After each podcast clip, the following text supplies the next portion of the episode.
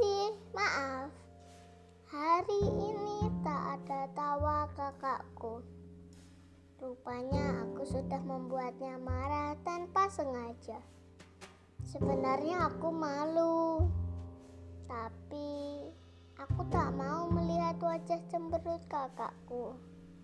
Ku hapus malu, ku ucapkan kata maaf padanya, dan kami pun berbaikan kembali.